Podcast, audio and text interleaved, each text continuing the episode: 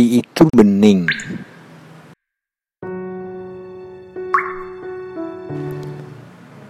Dan pada setiap kebeningan selalu ada ruang untuk kehidupan. Karena pada akhirnya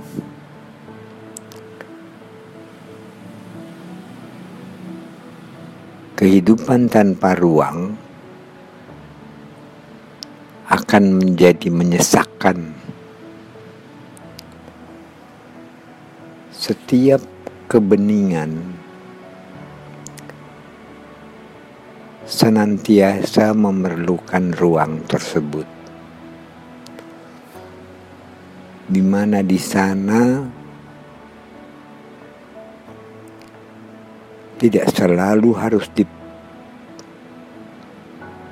disesaki oleh apa yang disebut dengan kepentingan.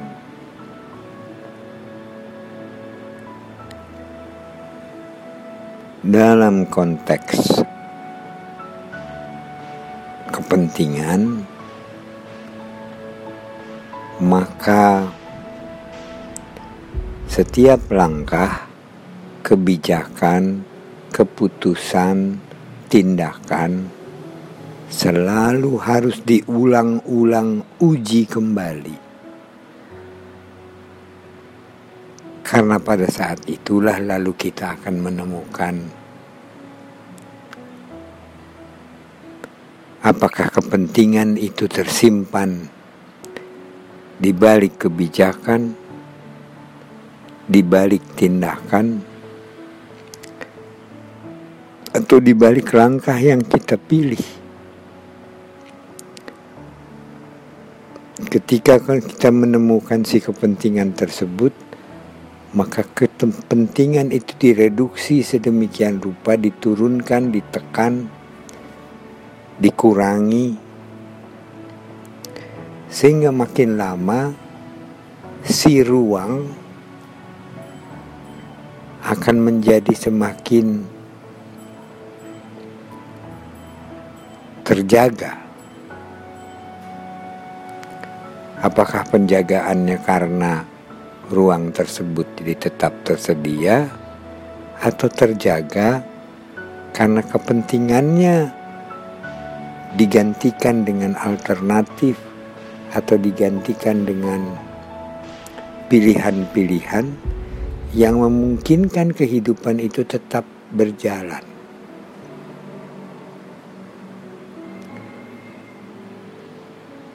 Dalam contoh COVID-19,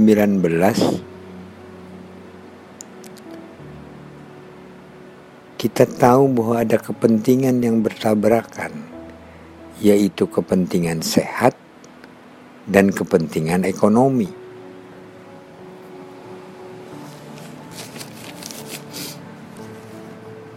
Dalam kaitan dengan kepentingan sehat, orang tidak boleh berjarak.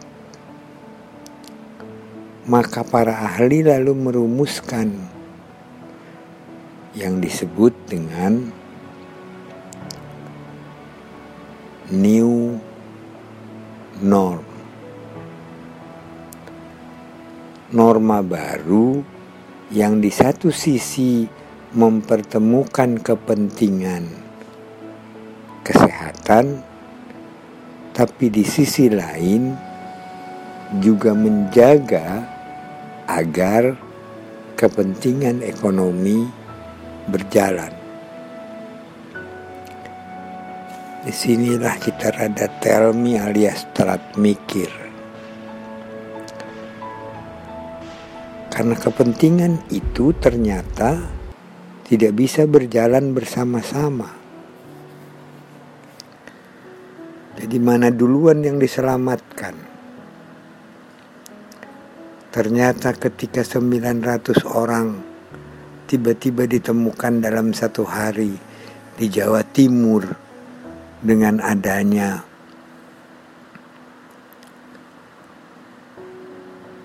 orang dengan kenyataan positif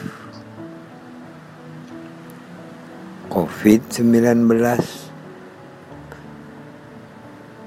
maka kemudian berbagai pihak menjadi senewan. Karena ini tidak boleh dibiarkan. Dan ternyata belakangan diketahui bahwa yang mengakibatkan hal itu adalah klaster-klaster yang dimaksud dengan klaster adalah kelompok ngumpulnya orang. Kenapa orang itu tetap kumpul? Karena orang itu masih punya kepentingan. Antara lain adalah kepentingan yang paling sederhana, kepentingan lebaran. Kepentingan yang paling sederhana adalah kepentingan mudik. Ini ngotot dipertahankan berbagai pihak lalu dipaksa untuk menjaga agar hal ini tidak berakibat lebih jauh alias tidak dibiarkan tanpa kesadaran yang mengakibatkan kepentingan kesehatan tidak terwujud. Jadi kawan-kawan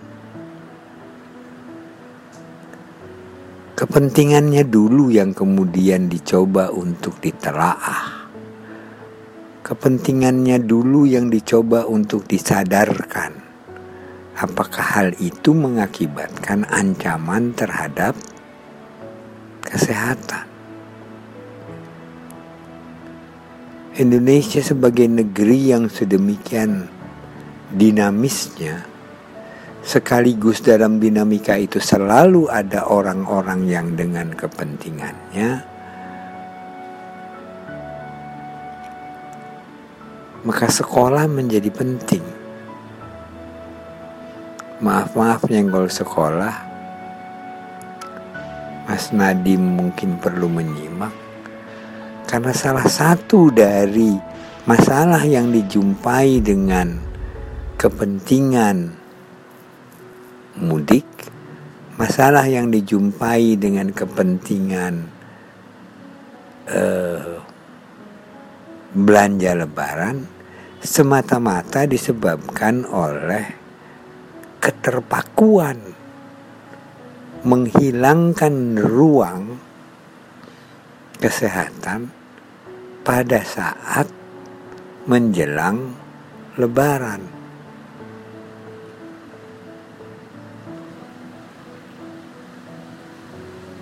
Agama mengingatkan bahwa lebaran itu perlu punya baju yang bagus, yang baru, yang bersih.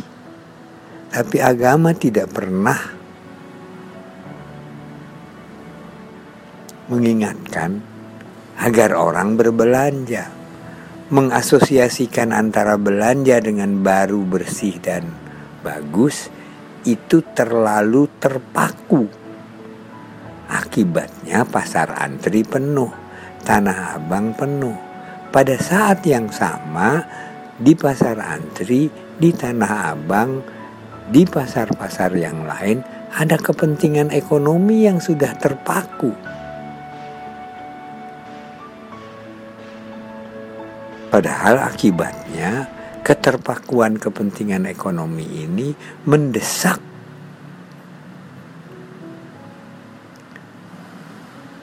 orang-orang kecil yang jualan untuk mendapatkan uang lebaran. Dalam artian ekonomi yang kemudian bergulir. Ketika ini tidak disadari sebagai sesuatu yang dimaksud dengan keterpakuan, maka hati tidak bening lagi. Karena hati tidak bening, maka ketika COVID-19 diberlakukan sebagai kebijakan untuk menjaga, tergusurlah banyak kepentingan termasuk si kepentingan ekonomi itu.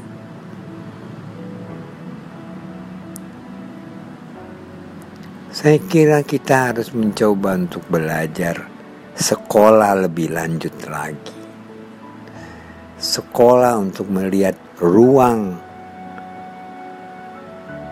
yang tidak mengakibatkan keterpakuan, sekolah yang mengakibatkan ekonomi kemudian tetap bergulir, pada saat yang sama kepentingan kesehatan kemudian tetap bisa dijaga dengan baik.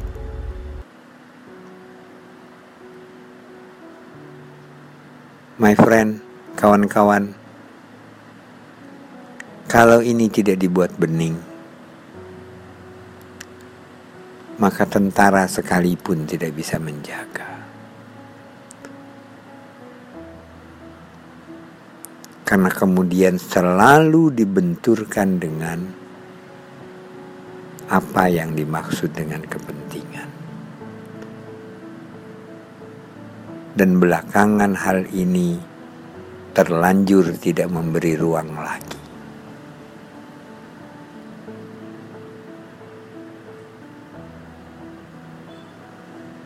Apabila hal ini kemudian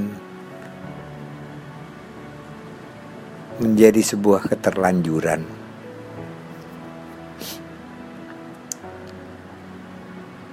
tablet yang bisa mengobati ini semua hanyalah cairkan keterpakuan, kembalikan kebeningan hati. Pikirkan orang-orang kecil yang sudah tidak bisa makan lagi.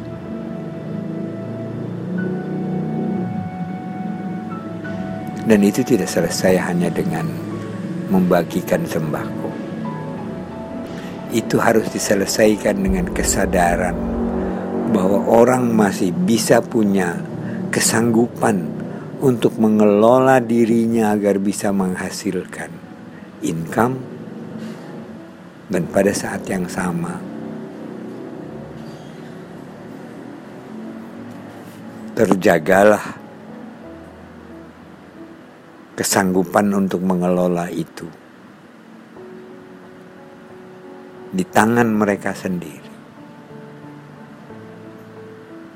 Kalau tukang bakso kemudian sudah 80% income-nya hilang. Tukang ketoprak tidak bisa lagi jualan.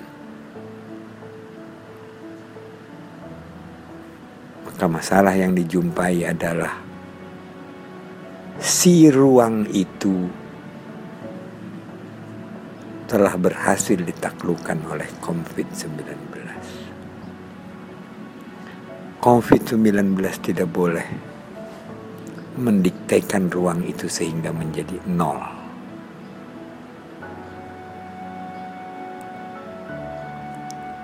COVID-19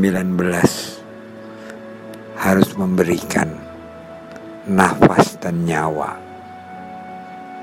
kepada orang-orang kecil karena orang-orang kecil itulah yang justru tidak bisa lagi punya ruang dan ketika dia tidak punya ruang dia terpaku kepada apa yang kemudian ingin dilakukan sebagai habit atau kebiasaannya.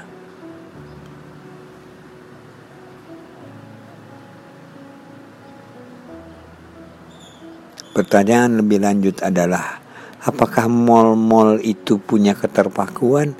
Iya, tetapi dalam titik titik tertentu mereka berada pada situasi yang mempunyai alternatif untuk mengambil tindakan diatur, dikelola dan sebagainya sehingga itu tidak memerosotkan semua hal yang tadinya menjadi sesuatu yang sudah mereka miliki mari kita beningkan. Di ruang apa mall itu ada? Di ruang apa pasar antri itu ada? Di ruang apa orang-orang kecil itu masih ingin melaksanakan salat id?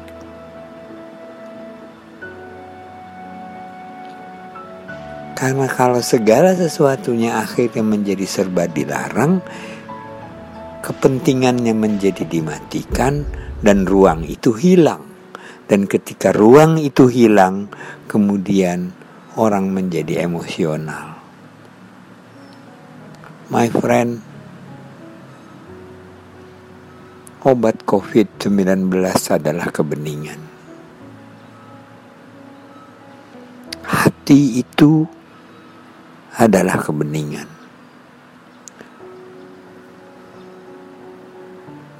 Semoga bumi ini tetap menyadarkan kita kepada kebeningan tersebut. Amin.